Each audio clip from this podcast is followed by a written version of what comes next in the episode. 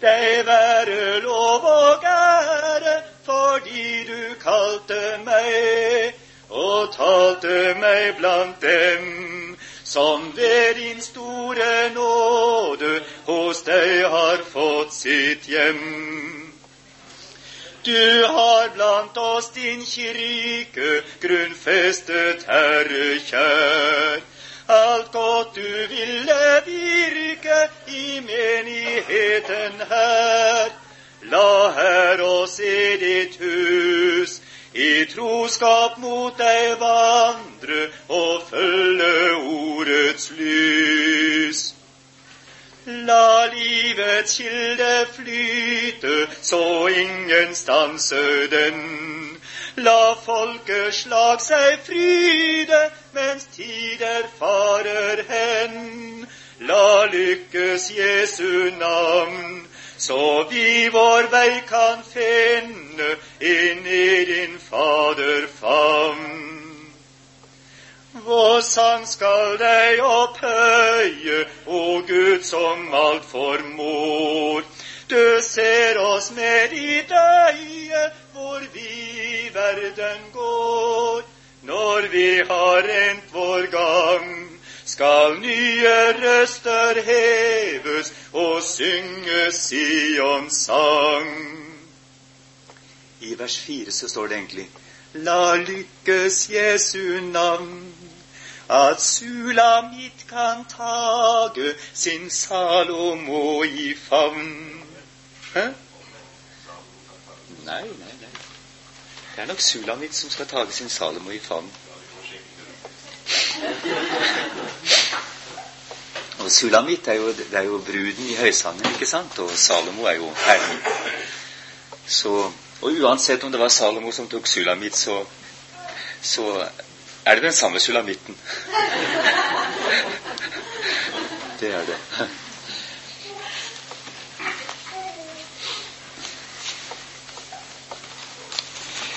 Jeg skal nå lese for dere en tekst av Grundtvig en salme som er diktet på grunnlag av en gresk-ortodoks liturgisk tekst, som jeg første gangen møtte i Pasenaks bok 'Dr. Chivago' for mange mange år siden, og som gjorde veldig inntrykk på meg. Det er en samtale der om Kristus som er helt enestående. Og der kommer hun som fører ordet, Sima heter hun vel, inn på de liturgiske tekstene ved påsketider. Annet den liturgiske tekst som handler om synderinnen i Simon fariserens hus, og den er altså så skjønn. Men Jeg kan ikke huske den, og jeg har ikke den med meg, men den er enda bedre i prosaversjonen enn den vi har her. Det står bl.a. om Eva som i paradiset skjuler seg i det øredøvende brus av sitt hår. Altså Hun hyller seg inn i sitt hår. Og hvordan dette, dette, er, dette liksom gjentas på en måte og utdypes da når, når denne kvinnen tørker Jesu føtter med sitt hår Dette underlige forholdet, så bryter ut i en sånn Hvilken fortrolighet mellom Gud og menneske. Hvilken fortrolighet, fortrolighet mellom Kristus og en kvinne, eller noe sånt. Men her har vi teksten slik Slik Rundtvig har sunget den. Jeg skal lese den. Med sin alabasterkrukke full av salve dyrebar hun som måtte skamfull sukke, Herre ynkes, Herre spar. Kom med hjertet sønderknuset inn i faraserhuset, hvor til bords den rene satt. Synderinnen kom med rødme, krukken bratt hun sønderbrøt, salven dyrebar med sødme over Herren hun utgjød. Lot og sine tårer strømme, Herrens føtter oversvømme, tørret med sitt hodehår. I min barm som denne kvinne, hjertet føler banghet stor, sniker som en synderinne seg til deg ved nådens bord. Rødmer, blekner, føler vonden, eftergjør det alt i ånden. Sukker, Herre, ynkes, spar. Som min Gud jeg vil deg dyrke, som en sol for meg opprinn. I min sjel er mulm og mørke, midnatt uten måneskinn. Se dog til meg fra det høye, speile seg ditt soleøye i min stille tåreflod. Himmelen seg til jorden bukket den gang du ble støvets sønn. Bøy deg nu til hjertet sukket, øret ditt til angers bønn. Dine føtter jeg med glede vil i dine fotspor vete, tørre med mitt hodehår. For din røst i kveld full bange skjulte seg i paradis. Eva med de lokker lange, jeg dem giver nu til pris. Meg ei mer jeg vil unnskylde, men med all min kunst forgylle korset på din kongevei. Mine synder, dine dommer, bunnløst dyp å tenke på. La din nåde til dem komme og i dybde overgå. Når av den jeg er opplivet, hun som meget er tilgivet, elske vil deg evig ømt.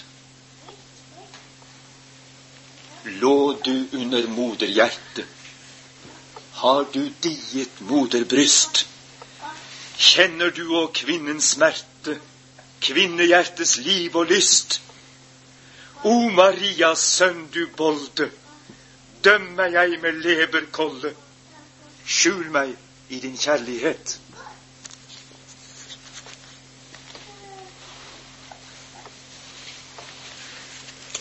Dette er det hellige bryllup.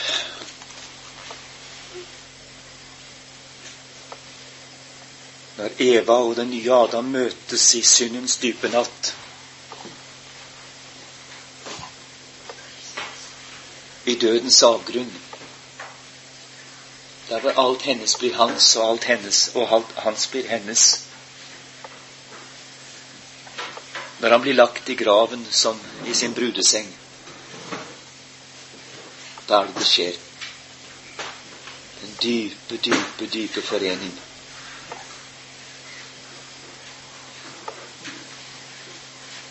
Dere kan synge, lese om det f.eks. og synge om det hos store Herre Davids sønn i, i reviderte. Den står ikke i nye salmboken.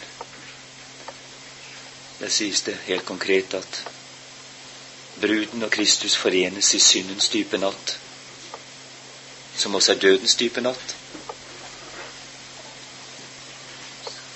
Og for første gang skjer det noe forløsende i syndens dype natt. Fordi han gir sitt liv. Det er det hele forløsningen handler om. Og derfor så har Kirken et kvinnehjerte.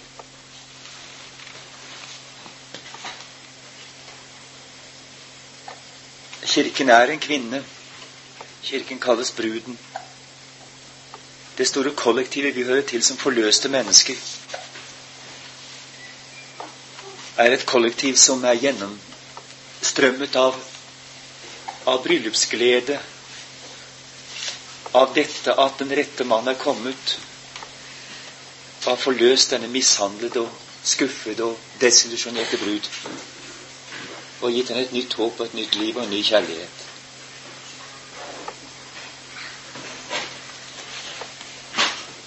Og det er det som skulle kaste lys over våre ekteskap. Og det er derfor også det er så viktig at mannen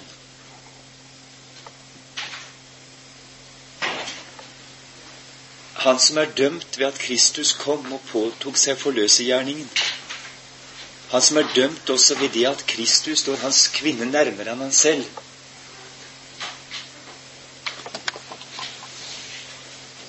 At mannen i kraft av rettferdiggjørelsen,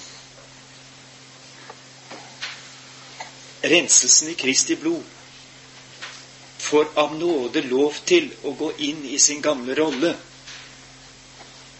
og få være det for henne som han egentlig skulle ha vært, kanskje aldri i virkeligheten, men i hvert fall i nåden, i troen. for Kristi skyld.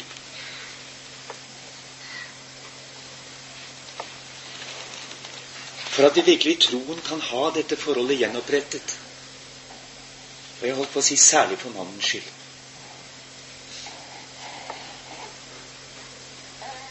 Det er nesten som du kunne si at kvinnen kunne ha nok med sin brudgom Jesus.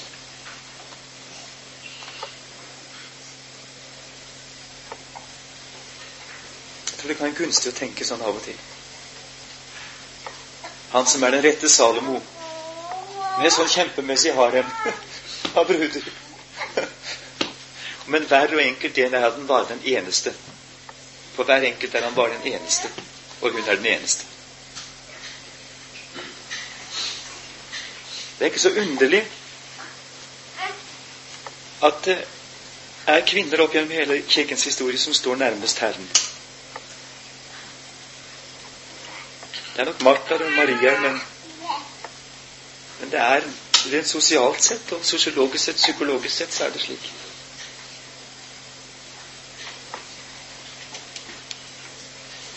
Men når ekteskapet fornyes av Herren, så sier Herren til mannen, vær så god, her er din kvinne, og du skal få lov til å være mann for henne, slik Adam var det før fallet. Jeg gir deg dette ansvar. Du skal få være det i hennes øyne i kraft av troen. For i kraft av troen så skal hun lære å se deg slik. Hun skal ha ærefrykt for deg. For i deg så skal hun se i hvert fall et gjenskinn av den rette brudgom, den rette Herre. Og det er bare nåde når det skjer. Det er bare nåde. Egentlig så skulle alle ekteskap av Guds, ved Guds dom vært lagt øde. Og det skulle vel ikke vært født flere barn heller. Men nå skjønner dere hvorfor jeg har oppholdt verden til denne dag. Det var dette som var målet. Og dere skulle møte denne oppreisning. Kristus oppreist av graven. Det er den gamle Adam oppreist i sin herlighet. Den fullt og helt bare i Kristus. Men i troen skal også en mann få del i det. På samme måte som kvinnen fordeler denne brud, brudens mysterium. At hun er elsket slik at han gikk i døden for henne. Og det er lettere for å identifisere seg med dette mysteriet med en mann.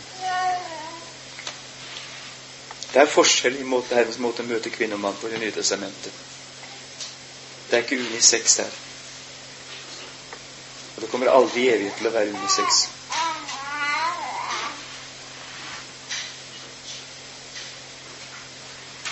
Vi er med på noe stort. Og vår kjærlighet kan fylles med et sånt guddommelig innhold.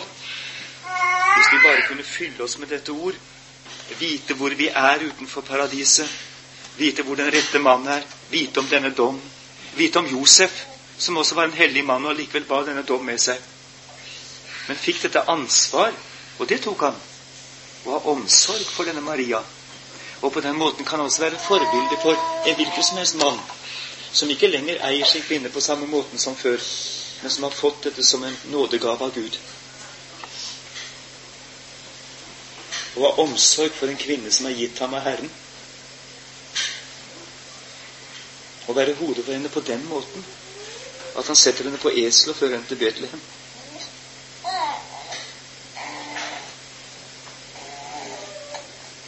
Ikke fordi han har rett til det lenger, ikke fordi det er hans egen kraft og makt, men av nåde. Og slik kan Josef bli et forbilde, og et rent forbilde, for en mann i den nye pakt.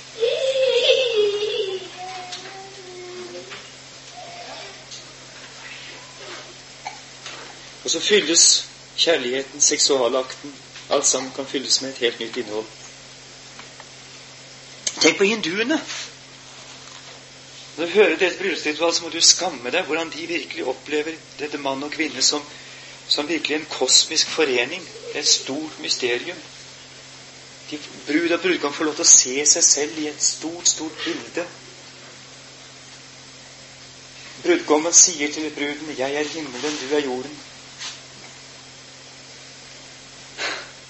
Og så forenes himmel og jord. Det er som en skaperakt.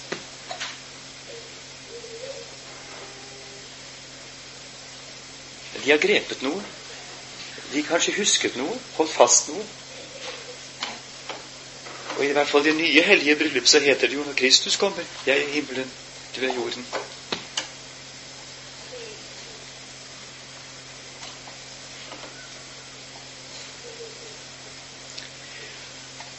Det ville berike vår kjærlighet, og vi ville kunne også lese Høysangen på en ny måte. Og Vi har snakket om det i går litt. Vi snakket om det at en, ekte kjærlighetsvise er egentlig det er det rare hvordan vi har bevart drømmen.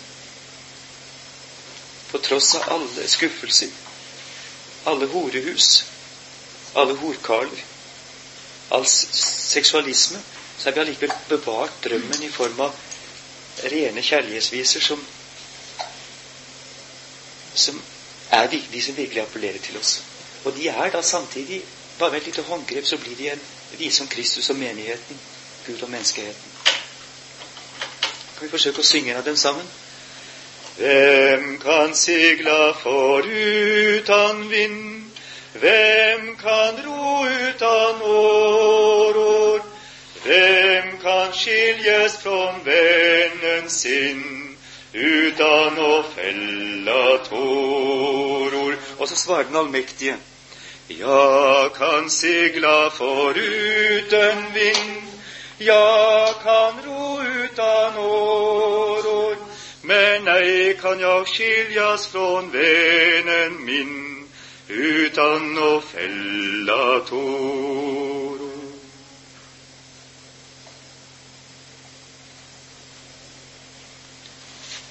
Den er forvent Kristus til ære med en gang. Og det skjedde veldig mye i den tidlige lutherske salmediktning. At de satte salmetekster til gamle kjærlighetssanger. De fleste av disse gamle koralene våre er jo slike viser som har hatt kjærlighet som innhold.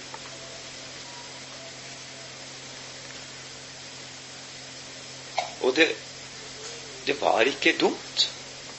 De, og det var, ble, ble ikke oppfattet som fjernt og som rart. Fordi man hadde enda denne rene tonen i kjærlighetsvisen. Mens derimot, hvis vi tar revyviser eller vulgære gateviser og gjør det samme med, så skjer det noe annet. Det er ikke tvil om at det gjør det. Det har ikke noe med bare melodiens kvalitet å gjøre, men det har noe med assosiasjon å gjøre. Og det er kanskje noe av forskjellen mellom det som skjedde på reformasjonstiden, og det som skjedde i moderne tid, når man tok så å si en av rosemelodier og gjorde Jesus-sanger av det. Fordi at selve diksjonen i melodiene er en annen.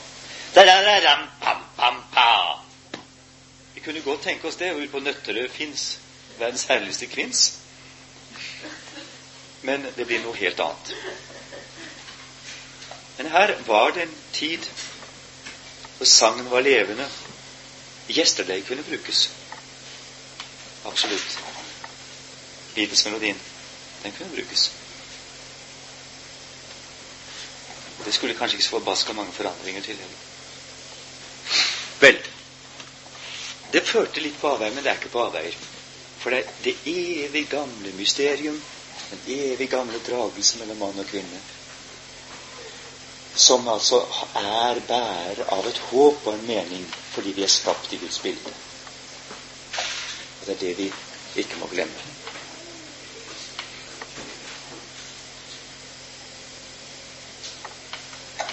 Så kan vi komme over på Kirken som kollektiv. Og vi kunne kommet inn på Kirken som Kristi familie. Vi kunne komme inn på den maskuline omsorg for denne kvinne i verden som mannen fremdeles er kalt til å være. Og det vil igjen si vi kunne tale om det kirkelige embetet. F.eks. i lys av Josef.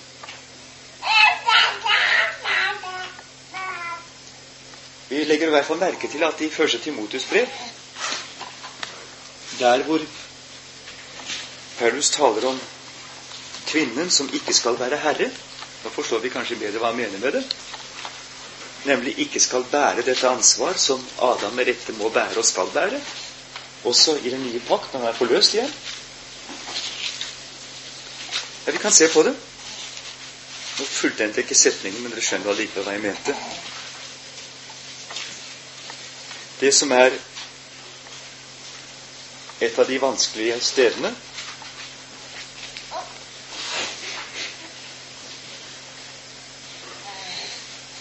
og hvor det ser ut som man gir Eva for mye og Adam for lite. Men det har vi forsøkt å rette opp. Eh, kapittel 2 i første Timotes brev, vers 11. En kvinne skal la seg lære i stillhet, med all lydighet. Men jeg tillater ikke en kvinne å være lærer eller å være mannens herre. Hun skal være i stillhet. Igjennom dette hører vi fordi du lød din hustrus røst hører vi gjennom dette her. For Adam ble skapt først, deretter Eva. Og Adam ble ikke dåret. Dåret går på slangens angrep, nemlig. Men kvinnen ble dåret og falt i overtredelse. Men så kunne han sagt noe mer om Adam. Det måtte han ha sagt hvis han var komplett. Men hun skal bli frelst gjennom sin barnefødsel, så fremt de blir i tro og kjærlighet og helliggjørelse med fuktighet. Og så må vi bare glemme at det er en kapittelinndeling der, for den sto ikke opprinnelig der. Det er et troverdig ord av noen at det er tilsynsembete. Da har han lyst til en god gjerning. Derfor skal en tilsynsmann være ulastelig, en kvinnes mann, edruelig, sindig, verdig, gjestfri, duelig til å lære andre, ikke drikkfeldig, ikke voldsom, men saktmodig, ikke stridslysten, ikke pengekjær, en som styrer sitt eget hus vel og har lydige barn med all sømmelighet. Men hvis noen ikke vet å styre sitt eget hus, hvorledes kan han da ha omsorg for Guds menighet? Der ser vi altså presten, biskopen, hyrden, som husfar for Guds menighet. Og det er ikke noe annet enn Adams gamle embete. For Adam var både prest og husbond i den første lille kirke, som var den første lille familie. I skapelsen faller kirke og familie i ett og er en og samme sak. Adam og Eve sammen utgjør den første kirken. Adam er den første husfar og den første pastor. Hyrde. Vi kunne si den første prest. Og Eva er skam man melde, den første menighet. Det vil si, de to sammen er den første menighet. Men hun er en diakonia. Hun er medhjelp. Hun er diakonisse. Det er også helt klart. Og Her har vi da et felt som vi kunne begynne å åpne. Men det basale er at i utgangspunktet så er det å være husfar og det å være pastor en og samme sak. Og Derfor går det en linje fra Adam, og særlig gjennom den gjenreiste Adam, fra det å være husfar til det å være prest i en menighet. Og I begge tilfeller er identiteten mann med et bestemt kall. Fordi han er mann. Han er kall, ikke har lov til å løpe fra, og ikke kan skyve over på sin hustru eller på kvinnen i alminnelighet. Så ut fra dette bibelske syn så er det helt klart at vi kommer ikke utenom at kvinnelige prester er en uting. Det konfunderer og forvirrer alt, og det kommer til å ødelegge våre ekteskap. Fordi vi ikke får relatert mannen til hans opprinnelige kall igjen. Du er mann, og du må ta det ansvaret.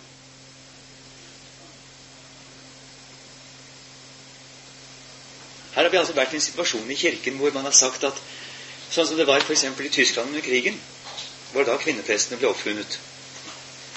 Alle mennene var på fronten som militærprester, eller satt i fengsel. Og da hadde man den situasjonen at man måtte kalle noen til prest. Og det satt fullt av bibelsprengte gamlinger på benkene i kirken, og til og med en del unge folk som var åndelig sett fullt ut kvalifisert, fromme mennesker god innsikt i Guds ord, Men de kunne ikke brukes, for de hadde ikke teologisk embetseksamen. Og så ble teologisk embetseksamen lagt et kriterium når man skulle forsøke å finne en pastor. Og da var det bare kvinner igjen. Slik ble de første kvinneprestene faktisk alt innført i lutherske kirke. Fordi man altså da har kommet helt bort fra Skriften og Skriftens kriterier. Man kunne bare slått opp i Bibelen og sagt 'Hvem skal vi velge?' Første Tim 3, det står jo der. Og så spurte man heller etter eksamenspapiret. Og så var man nesten garantert også at man fikk liberal teologi. Sånn de har gjort det. Ødelegger Kirken, ødelegger familiene, ødelegger alt fordi vi ikke klarer å kalle menn mannen frem av buskene.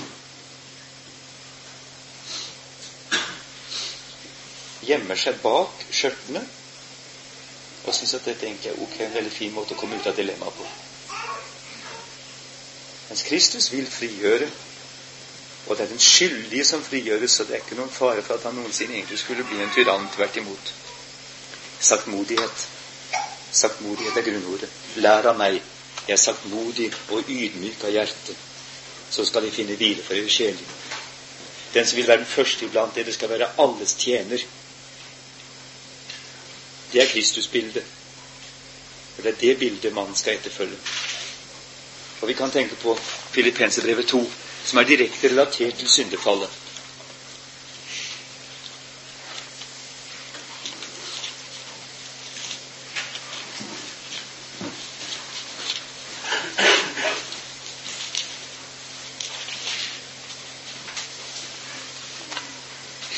Dette er en formaning som gjelder alle kristne, selvfølgelig.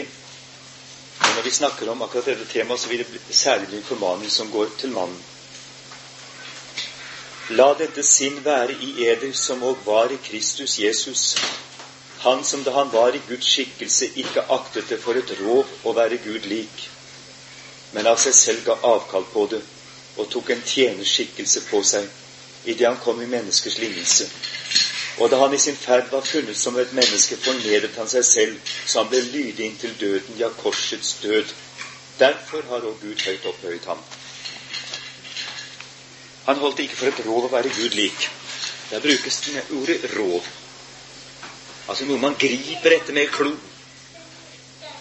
Og det var akkurat det mennesket gjorde i paradiset. De holdt det for et rov å være Gud lik. Gud vet at når dere eter av den frukten, så skal dere bli lik Gud. Og selv kjenne godt og ondt. Og det må i dette tilfellet her sannsynligvis bety selv å avgjøre hva som er godt og ondt. Det griper mennesket etter å være egenrådig. Men det, det er det motsatte hos Kristus. Han fastholder ikke den gud, gudelighet som han faktisk har, men han slipper den. Og det blir forbildet og forbildets vei for den kristne mann. Og bare slik kan man være hode og høvding i sin familie. Og bare slik kan man også være hode og høvding i menigheten. Derfor så er en en kristen prest en ynkelig sak i denne verdens øyne, og ville også vært i sin hustrus øyne hvis hun fritt hadde kunnet tråkke på ham og tråkke ham ned slik den jødiske menighet tråkket ned Kristus. Når man har en mann som er forpliktet på Kristus, og til å bære kors etter Kristus Hvis man ikke har ærefrykt for ham, så korsfester man ham.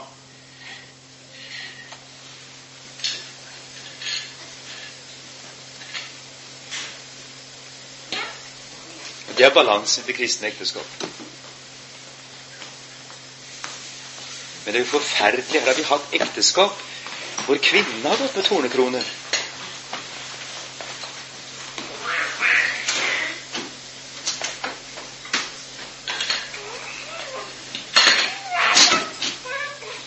Til og med av og til båret med velbehag.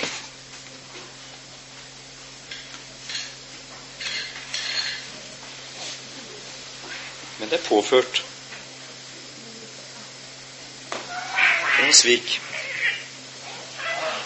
Og Samtidig vet vi ikke hva de har gjort med sine menn, eller hva vi har gjort med våre kvinner. Vi har alle en rem av dette her.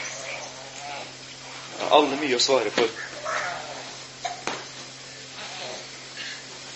Kan se det av og til veldig konkret, men det er bare som et, som et symptom på noe vi bærer med oss alle sammen i alle ekteskap.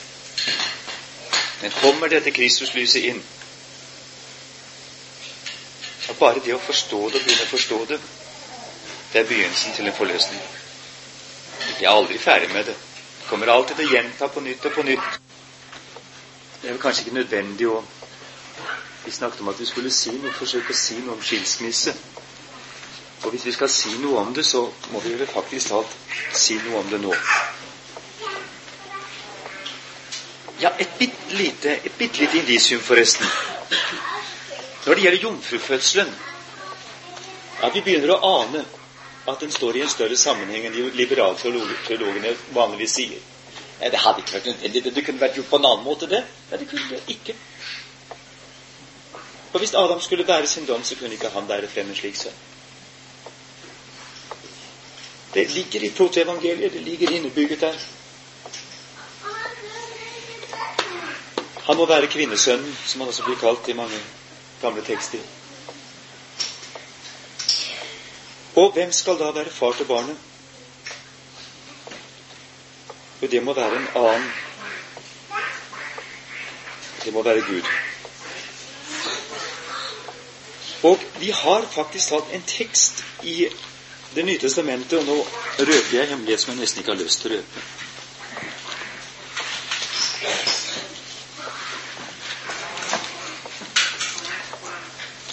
Det er, bok, det er, en bok, her som er veldig viktig, og det er Ruths bok.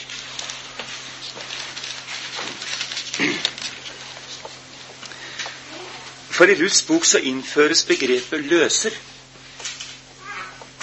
Dere kjenner løserordningen i Det gamle testamentet. Hvis det var slik at hvis en mann døde, av en hustru, han døde og ikke hadde noe barn Han døde barnløs. Så var det brorens plikt å oppreise sin bror en sønn. Altså Han måtte, som de sier, gå inn til sin brors hustru og besvangre henne. Og det barn hun fødte, skulle da hete brorens sønn. Altså det er en stedfortreder som går inn og oppreiser broren en sønn. Og denne stedfortrederen kalles for løser. Goel. Og dette ordet er forbeholdt en slik løser som dette, og så brukes det om en annen, nemlig om Herren. Jeg, Herren, er din løser. Jeg, Herren, er din forløser. Oversetter vi det vanligvis med. Men det står løser. Det vil si, jeg, Herren, er den som går inn til deg, du forlatte brud, du ensomme kvinne, og gir deg en ny fremtid. I Ruths bok så står det om, om løseinstitusjonen. Men da måtte vi nesten lese hele boken. Den er en nydelig bok om Ruth og Boas. Og hvordan Ruth, som har mistet sin mann, barnløs, er kommet hjem med sin svigermor til Israels land. Og blir fortalt av sin svigermor at hun skal gå til Boas, for han er løser. Og det gjelder både dette med at han plikter å ta henne til ekte på en måte, og det at han også da kan være den som løser ut hennes eiendom jord og kropp og alt hører sammen i det gamle Israel.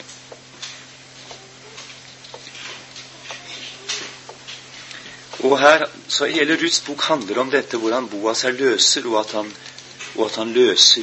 Han blir løser for Ruth, og blir altså far til Ruths barn, som igjen da er stamfar til kong David. På ett punkt er altså slektslinjen brutt. Det ser håpløst ut. Ruth er en, til og med en hedensk kvinne. Hun kan ikke bære noen slekt videre. Men så kommer Boas inn og er løser, og så bærer hun slekten videre. Og denne slekten, denne slekten er jo faktisk talt Kristi egen stamslekt.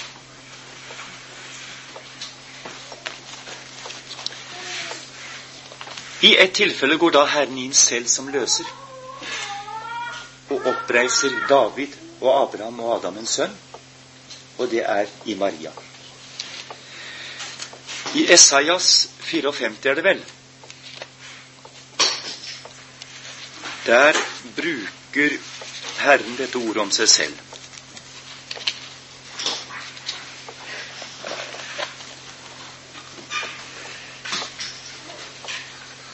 Ja, nå skal vi lese fra begynnelsen av Esaias 54. Rop med fryd, du ufruktbare som ikke fødte. Bryt ut i fryderop og juble, du som ikke var i barns nød. For den enslige kvinnes barn er flere enn henne som har mann, sier Herren. Utvid plassen for ditt telt, og la dem spenne ut teppene til din bolig, hindre det ikke. Strekk dine snorer langt ut, og gjør dine teltplugger faste. For du skal bre deg ut både til høyre og til venstre, og din ett skal ta hedningefolk i eie og bygge opp igjen ødelagte byer. Frykt ikke, du skal ikke bli skuffet, og vær ikke skamfull, du skal ikke bli til skamme. Din ungdoms skam skal du glemme, og din enkestands vanære skal du ikke mer komme i hu. For din skaper er din ekte mann. Herren, hærskarnes Gud, er hans navn. Og Israels hellige er din løser. All jordens Gud kalles han. Her brukes det samme ordet som om Boas. Goel. For som en forlatt kvinne med sorg i hjertet kaller Herren deg, og en ungdomshustru skulle hun forskytes, sier din Gud. Og dette håpet er det som fullbudes når Maria blir med barn. Konkret at Herren selv er løser og oppreiser Adam en sønn, oppreiser Abraham en sønn, oppreiser David en sønn, oppreiser Josef en sønn. For han var Josef rette, Josefs sønn med rette. Det skal vi ikke glemme. Etter loven var han Josefs sønn. Josef tok Maria til seg og erkjente at Jesus var hans sønn. Og han blir kalt Jesus Josefs sønn. Jesus Josefsen, Josefsen i Galilea. Og det gjør han med rette. For etter kjødet, det vil si etter loven, er han Davids sønn. Som Jesus sier, som Paulus sier i, første, i romerbrevet, i helt i begynnelsen. Hvordan kan han si det, sier vi. Han var jo ikke det etter kjødet. Og så begynner vi jo kanskje å konstruere en ettertavle gjennom Maria, men det er ikke nødvendig. For etter kjødet, det vil si etter loven, etter lovens egen ordning, var han Josefs sønn. Gitt Josef av Gud ved at Gud selv har intervenert og skapt barnet i Marias liv.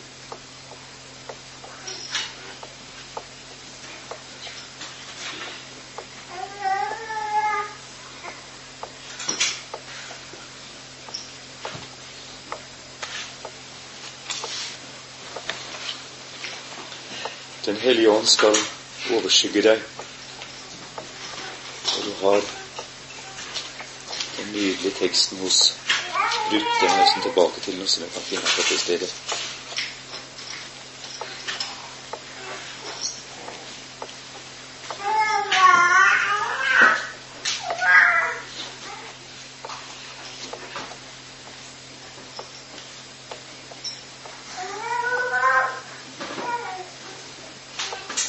Ja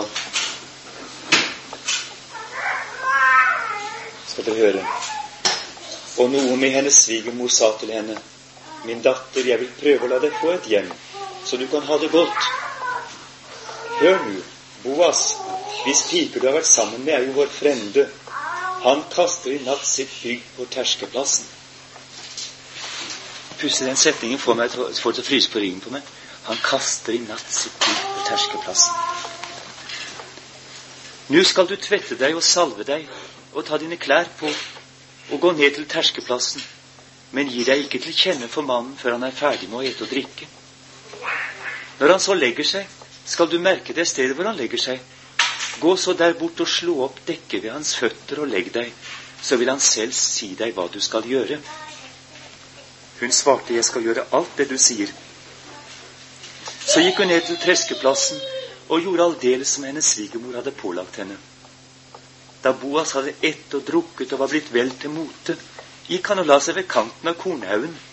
Da kom hun stille og slo opp dekket ved hans føtter og la seg der. Midt på natten ble mannen oppskremt. Han bøyde seg frem og fikk se at det lå en kvinne ved hans føtter. Og han sa, Hvem er du? Hun svarte, Jeg er Ruth, din tjenerinne. Bre ditt dekke ut over din tjenerinne, for du er løser. Da sa han, Velsignet være du av Herren, min datter.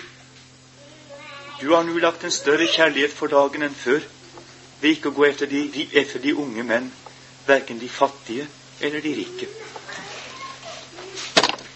Velsignet være du blant kvinner. Eller jeg er Herrens tjenerinne, meg skje etter ditt ord. Bre ditt dekke utover din tjenerinne.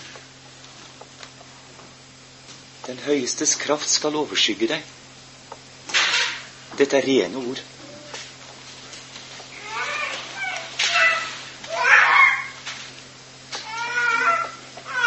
Det sies til løseren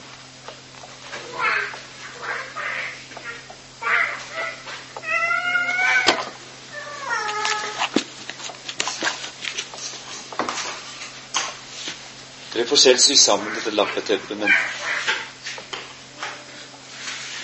jeg tror vi gjør rett i å, å tenke mye på det. Og jeg tror det vil fornye forholdet til oss selv og vår egen kjærlighet og alt sammen. Ruths bok er av de nydeligste bøker, og det er som sagt en bok som handler om en av Jesu Kristi stammødre. Så har vi dessuten Sjøgen Rahab. Hun nevnes spesielt. Og så har vi en annen løsere kvinne. Det har vi også. Det er Den er også viktig. Vi kan se på disse i Matteus evangeliet. Det er Tamar. som har rett på en løser. For hun er død uten Hun er død uten barn. Men Onan nekter å bli far til hennes barn og spiller sæden på jorden. Og han er blitt far til det uttrykket onani. Selvfølgelig med urette. Og så er det at Tamar kler seg ut som en skjøge og narrer Juda far til Onad til å oppreise henne enn ett. Det er også løsrådningen. Men der er det ikke i renhet, men tvert imot. Det er som en stygg historie, kan vi si. Men det er påfallende det er to slike løsekvinner i Jesu ettertavle. Og så har vi Sjøgen Rahab, og så har vi Batseba. Du har faktisk hatt hele registeret av kvinner. Skjøgen, den utro, den listige og den rene.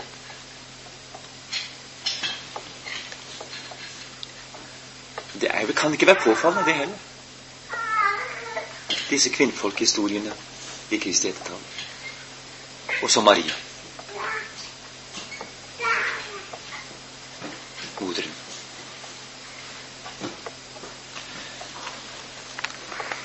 Herren er løser. Og bare ved at Herren selv er løser, kan vi bli frelst, og kan rette mann komme iblant oss. Og kan vi som menn bli oppreist til et nytt liv som menn av nåde.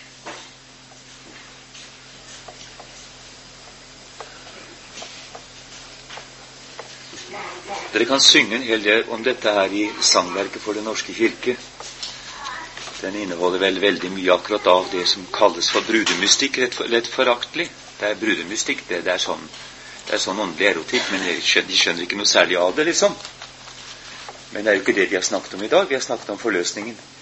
Og vi har kanskje begynt å forstå at det kan ikke tales om forløsningen uten å tale om dette. Tale om bl.a. dette uforløste som er mellom mann og kvinne. Og at det kanskje er et kjernepunkt, rett og slett. Og begynner man å lese Skriften med slike øyne, så ser man at det er ikke sant det at Skriften bare er en bok som handler om menn. På overflaten ser det slik ut. Men det handler i, hele tiden egentlig om mannens vei til kvinnen. Det handler om Guds vei til kvinnen.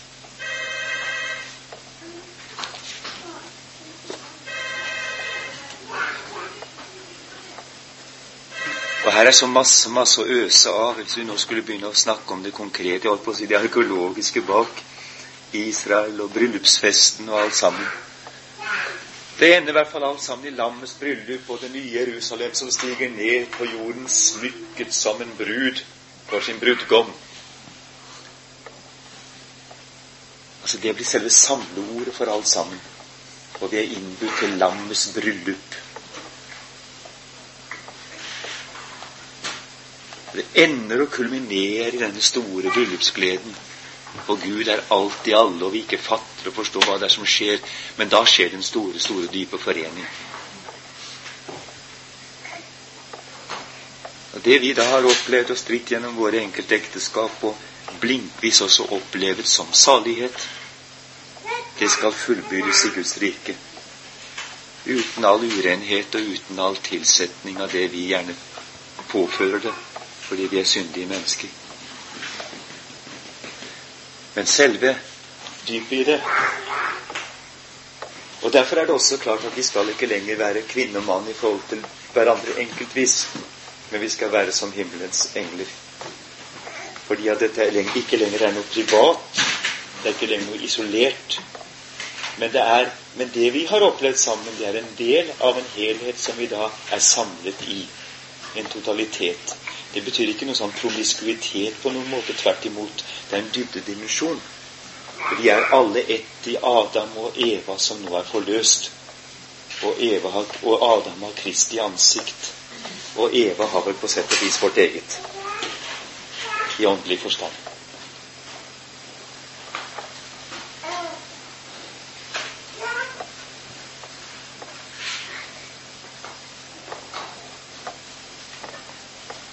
Veien så det er mange tragedier. Kanskje til og med homofilien har, er en slags perversjon av det dype, dype vennskapet som også oppstår mellom Kristus og mannen. Du kan tenke på dette underlige Johannes-forholdet. Der er det noe som peker i en retning som vi ikke helt forstår. Den disippel som Kristus elsker, og som ligger opp til hans bryst. Men det er totalt rent forhold. Men det er et nærhetsforhold som, som kan minne om det nærhetsforholdet vi ellers treffer i mellom, mellom Kristus og kvinnen. Og at, og at homofili og homoseksualitet er en slags forvrengning av dette. Vi, du, vi, også, vi, har jo også dette David og Jonathan. David som elsker Jonathan mer enn kvinners kjærlighet. Hva er Jonathans kjærlighet for meg, sier David. Det viser en, at til syvende og sist så munner dette ut i en kjærlighet som er hinsides kjønn. Men for oss i denne verden under denne skaperordning er vi bundet i dette. Vi møter hverandre som kvinne og mann i ekteskapet. Som en totalitet, som to sider av samme sak. Men vi kan sette dette i tillegg for å for å gi også det mennesket en slags rett som lengter etter den kjærlighet som ikke kan fullbyrdes i denne verden. Og den, Det håp skal vi kunne gi den som har denne underlige, vonde dragningen. At det fins en fullbyrdelse av det, men den fins først i den andre verden. I det dype, sanne vennskap som du i virkeligheten lengter etter, og som du forsøker å, å virkeliggjøre gjennom seksualitet, men som aldri vil lykkes for deg. Jeg tror vi skal, vi skal våge det. Det er, en, det er en forvrengning. Men det er jo fordi at vi mennesker i vår kultur er blitt så kontaktfattige, så eroktikkløse egentlig, at vi ikke kan vi, vi, altså Folk har jo sluttet å snakke sammen For å bli kjent så må de jo ligge med hverandre. Og så blir de ikke kjent da heller. Sånn er det jo mellom kvinne og mann i de heterofile forhold. Det er ikke minst rart at det er blitt slik også i de homofile forhold. Det er, det er, altså Vennskap går over til noe annet fordi at man, de har blitt så kontaktløse og så hjelpeløse at vi altså I virkeligheten så er jo en sånn en brå seksuell kontakt det er jo et uttrykk for noe totalt uforløst. Det er jo det. Umodent, uforløst, hjelpeløst. Og det blir aldri noe annet enn avansert onani. Og det er det som er det fryktelige med sånne umodne krigsforhold. Hvor de altså ikke har noe å snakke om med hverandre før, og de har ikke noe å snakke om med hverandre etterpå. De er ikke blitt kamerater. Og det er noe forferdelig viktig, det også. Dette med at kvinnen står der som en medhjelp. De gamle, Det er visst visse oversettelser der det er brukt ordet som ligner på kamerat. og Læstadianerne pleier å snakke om kameraten, og da mener de kona. Derfor er det sånn i Lyngen. Eller stallbroder, som det står i visen vi sang. For at det er et at vennskapet er veldig vesentlig, og det skaper trygghet og nærhet. Men det må vi arbeide på alle sammen. Det er klart. Og da er vi over på det praktiske. Men så kanskje litt til skilsmissen. Jeg hører til sånne prester som har viet fraskilte og forsøkt å forsvare det gjennom mange år på gammelluthersk basis. Og det har vært en forferdelig kamp, fordi at for å kunne gjøre det, så måtte du gå inn i forholdet. Du måtte snakke med dem. Du måtte, du måtte jo finne ut om var grunnlag til at du kunne Ikke du for min samvittighets skyld kunne vie dem, men at du virkelig kunne trøste dem og gi dem visshet for at de virkelig var rettekte folk. For det er det som er problemet. Ikke det hva en prest kunne ha samvittighet til å gjøre. At ha sine fine fingre borti. Men spørsmålet er at du som sjelesørger kan gi dem visshet for at de er rette folk når djevelen kommer og sier noe annet. Det er der det egentlig er problemet. Det begynte jeg etter hvert å forstå. Og da må du altså gå inn i det for å kunne si dette til dem i Faderens og Sønnens og Den hellige ånds navn, og si det dem siden dette skal dere holde dere til, uansett hva djevelen og verden og de kristne sier. Og det, det, det, det, er bare at det blir noe sånt som egentlig bare sprenger en person, og, og bare fører til at det til slutt blir totalt overfladisk. Og så ender det med at enten vil du ingen, eller så vil du alle. Det er det. Og så kommer det nye aspekter inn som gjør det vanskeligere og vanskeligere. Vi kan bare for å være kort si det at Herren, han som vi har lært å kjenne som frelseren og løseren, han ga aldri Israel noe skilsmissebrev. Han spør jo etter det. Hvor er de skilsmissebrev Israel? Du har aldri fått noe sånt av meg. Han er trofast på, på tross av all utroskap. Han kan straffe, han er en nidkjær Gud, han er sjalu Gud. Han denger henne tydeligvis. Det burde ikke være noen tetefølelse, kanskje. Han legger Jerusalem øde. Men han har aldri gitt Israel noe skilsmissebrev. Og det er denne trofaste Gud vi også må holde oss til. For hvis han var det en slik Gud som utdelte skilsmissebrev da vi var utro, så hadde ingen av oss hatt noe særlig å håpe på. Og allerede det forteller noe. Han er trofast, han som kalte oss selv når vi er troløse. Det syns jeg er en god indikasjon for å fortelle noe om en, en lærdom vi har gjort under evangeliet, som får konsekvenser for vår holdning når noen er troløse mot oss. Eller søker andre guder.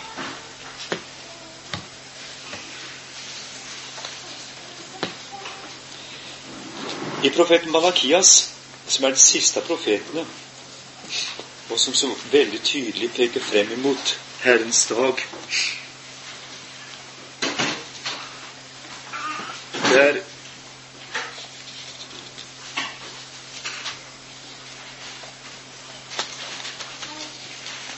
sier Herren noe som også kan være retningsgivende.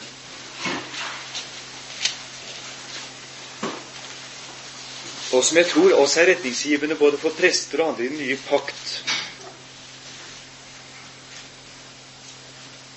Og som kanskje kan også fungere som en dom over oss. Vi skal lese det annet kapittel hos profeten Malakias. Og nå kommer dette bud til eder i prester. Dersom I ikke vil høre og ikke legge dere det på hjertet, så gir mitt navn ære, sier Herren herskernes Gud, så vil jeg sende forbannelsen mot eder og forbanne eders velsignelser. Ja, jeg har alt forbannet dem, fordi I ikke legger dere det på hjertet. Se, jeg forbanner eders ett og kaster møkk i ansiktet på eder, møkk av eders høytidsofre, og jeg skal selv bli kastet opp i den. Da skal I kjenne at jeg har sendt eder dette bud, for at det skal være min pakt med Levi, sier Herren herskernes Gud. Den pakt jeg hadde med ham, lovte han liv og lykke. Det ga jeg ham for at han skulle frykte meg, og han fryktet meg og var forferdet for mitt navn. Sannhetslov var i hans munn, og urett ble ikke funnet på hans lever. I fred og ærlighet vandret han med meg, og mange omvendte han fra misgjerning. For en prests lever skal holde fast ved kunnskap, og lov skal hentes fra hans munn, for han er Herrens, herskernes Guds sendebud. Han er Herrens Malakias. Han er Herrens engel, kan det også bety. Men I har veget av fra pakten og har fått mange til å støte an mot loven. I har fordervet Levi-pakten, sier Herren, herskernes Gud. Derfor har jeg også jeg gjort eder foraktet og ringe i alt folkets øyne, fordi de ikke akter på mine veier, men gjør forskjell på folk for loven. Har vi ikke alle sammen en far? Har ikke én Gud skapt oss? Hvorfor er vi da troløse mot hverandre, så vi vanhelliger våre fedres pakt? Juda har vært troløs, og ved det styggelige ting er gjort i Israel og Jerusalem. For Juda har vanhelliget Herrens helligdom, som han elsker, og har tatt frem en fremmed Guds døtre til ekte.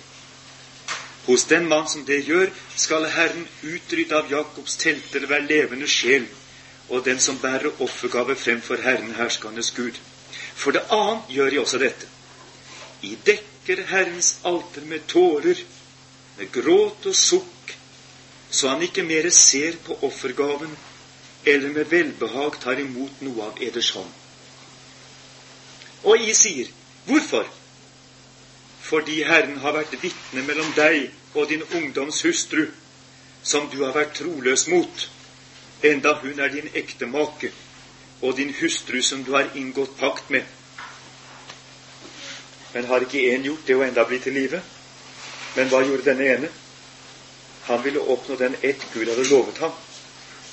Men I skal ta vare på eders liv, og mot din ungdoms hustru må du ikke være troløs.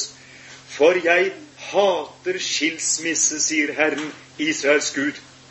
En dekker derved sitt kledebon med vold, sier Herren, herskernes Gud så ta da vare på eders liv, og vær ikke troløse. I har trettet Herren med deres ord, og I sier, hvorledes har vi trettet ham? Ved å si, hver den som gjør ondt, er god i Herrens øyne, og i sådan har han velbehag, eller hvor er Gud, han som dømmer?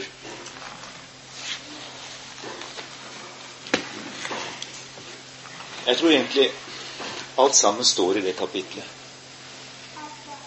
Og det kan være at Gud har forbannet våre velsignelser.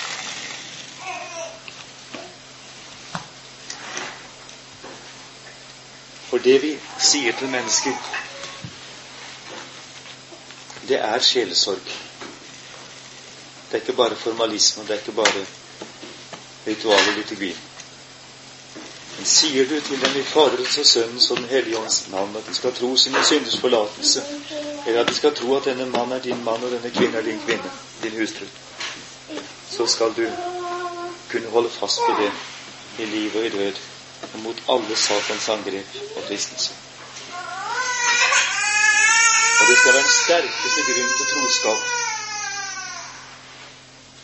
Og det skal være din største trøst når djevelen kommer og angriper deg. Og da blir det noe annet, det hele. Da blir det kanskje ikke spørsmål at du utøver noen dom fordi om du sier at 'jeg kan ikke gjøre det'. Men det er fordi at du som sjelesørger melder du pass. Du vet ikke hva du skal si. Jeg har en, en god kjenning som er katolikk. Han er skilt fra sin hustru. Og han er gift igjen.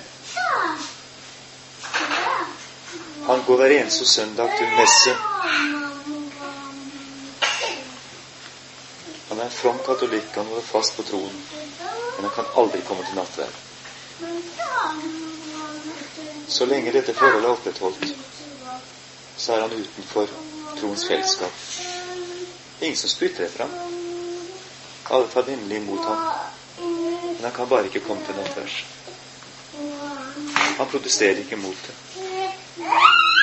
Den dagen han skal dø, hvis han får sykeleie, så kommer presten til å komme til ham og meddele ham sykekommunionen